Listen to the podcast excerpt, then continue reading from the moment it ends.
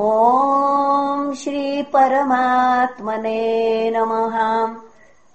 श्रीमद्भागवते महापुराणे पारमहंस्याम् संहितायाम् एकादशस्कन्धे अथ विंशोऽध्यायः। उद्धव उवाच विधिश्च प्रतिषेधश्च निगमो हीश्वरस्य ते अवेक्षतेरविन्दाक्ष गुणम् दोषम् च कर्मणाम् वर्णाश्रमविकल्पम् च प्रतिलोमानुलोमजम् द्रव्यदेशवयः कालान् स्वर्गम् नरकमेव च गुणदोषभिदा दृष्टि मन्तरेण वचस्तव निःश्रेयसम् कथम् नृणाम् निषेधविधिलक्षणम्।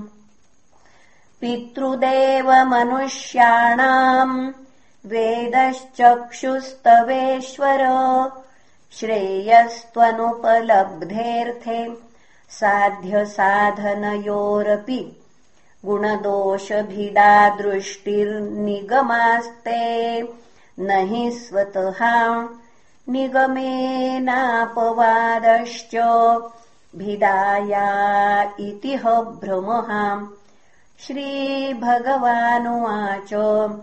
योगास्त्रयो मया प्रोक्ता। नृणाम् श्रेयो विधित्सया। ज्ञानम् कर्म च भक्तिश्च।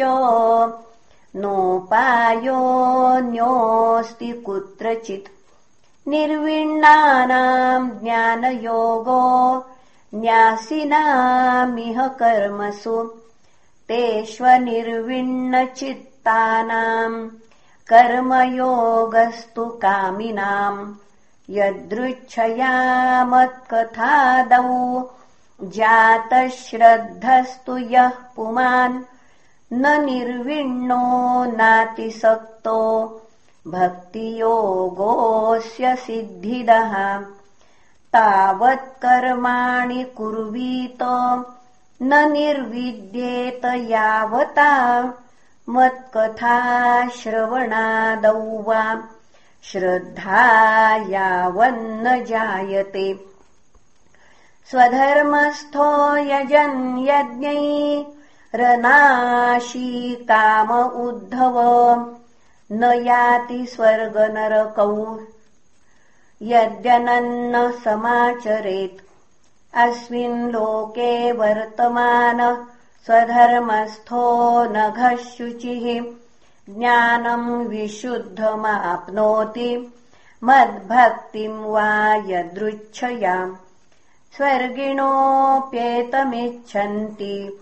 लोकम् निरयिणस्तथा साधकम् ज्ञानभक्तिभ्यामुभयम् तदसाधकम् न नरः स्वर्गतिम् काङ्क्षे नारकिम् वा विचक्षणः नेमम् लोकम् च काङ्क्षेत देहावेशात् प्रमाद्यति एतद्विद्वान् पुरा मृत्योरभवाय घटेत सः।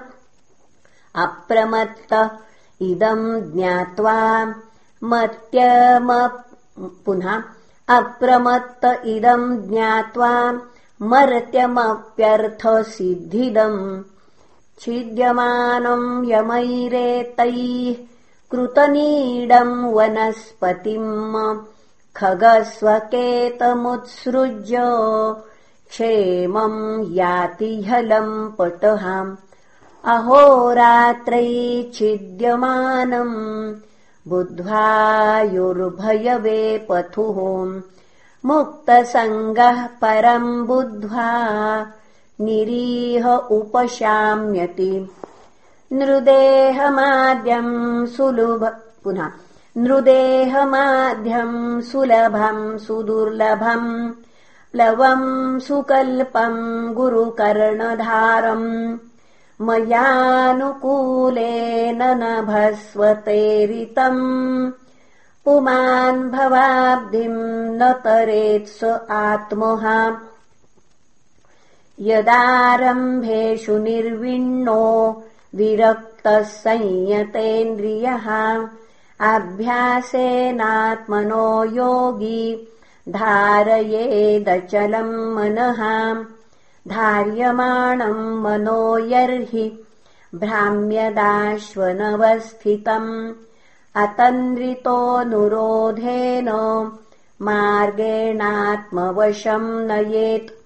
मनोगतिम् न विसृजेज्जितप्राणो जितेन्द्रियः सत्त्वसम्पन्नया बुद्ध्या। मन आत्मवशम् नयेत्। एष वै परमो योगो। मनसः सङ्ग्रह स्मृतः। हृदयज्ञत्वमन्विच्छन्। दम्यस्येवार्वतो मुहुः। साङ्ख्येन सर्वभावानाम् प्रतिलोमानुलोमतः भवाप्ययावनुध्यायेन्मनो यावत्प्रसीदति निर्विण्णस्य विरक्तस्य पुरुषस्योक्तवेदिनः मनस्त्यजति दौरात्म्यम् चिन्तितस्यानुचिन्तयाम् यमादिभिर्योगपथैरान्वीक्षित्या च विद्यया ममार्चोपासनाभिर्वा नान्यैर्योग्यम् स्मरेन्मनः। यदि कुर्यात्प्रमादेन योगी कर्मविगर्हितम्। योगेनैव ददे। पुनः योगेनैव दहेदंहो नान्यत्तत्र कदाचन। स्वे स्वेऽधिकारे या निष्ठा सगुणः परिकीर्तितः। कर्मणाम् जात्यशुद्धानामनेन नियमः कृतः। गुणदोषविधानेन सङ्गानाम् त्याजनेच्छयाम् जातश्रद्धो मत्कथासु निर्विण्णः सर्वकर्मसु। वेददुःखात्मकान् कामान् परित्यागेऽप्यनीश्वरः। ततो भजेत माम् प्रीत श्रद्धालुर्दृढनिश्चयः जुषमाणश्च तान् कामान् दुःखोदर्कांश्च गर्हयन् प्रोक्तेन भक्तियोगेन भजतो मासकृन्मुनेः कामाहृदय्या नश्यन्ति सर्वे मयि हृदि स्थिते भिद्यते हृदयग्रन्थि छिद्यन्ते सर्वसंशयाः। क्षीयन्ते चास्य कर्माणि मयि दृष्टेऽखिलात्मनि तस्मान्मद्भक्तियुक्तस्य योगिनो वै मदात्मनः। न ज्ञानम् न च वैराग्यम् प्रायः श्रेयो भवेरिह। यत्कर्मभिर्यत्तपसा ज्ञानवैराग्यतश्च यत् योगेन दानधर्मेण श्रेयोभिरितरैरपि।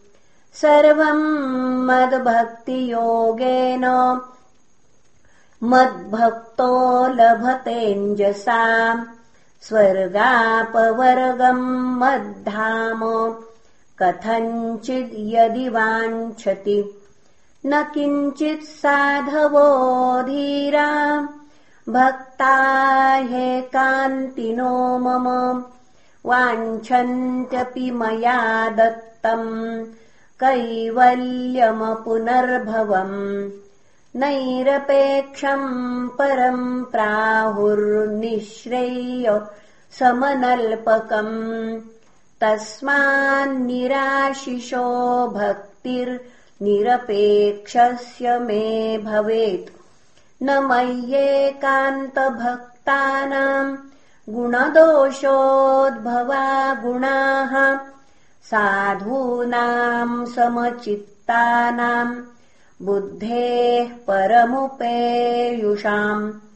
एवमेतान्मयादिष्टा ननु तिष्ठन्ति मे पथः क्षेमम् विन्दन्तिमस्थानम् यद्ब्रह्म परमम् विदुः। इति श्रीमद्भागवते महापुराणे।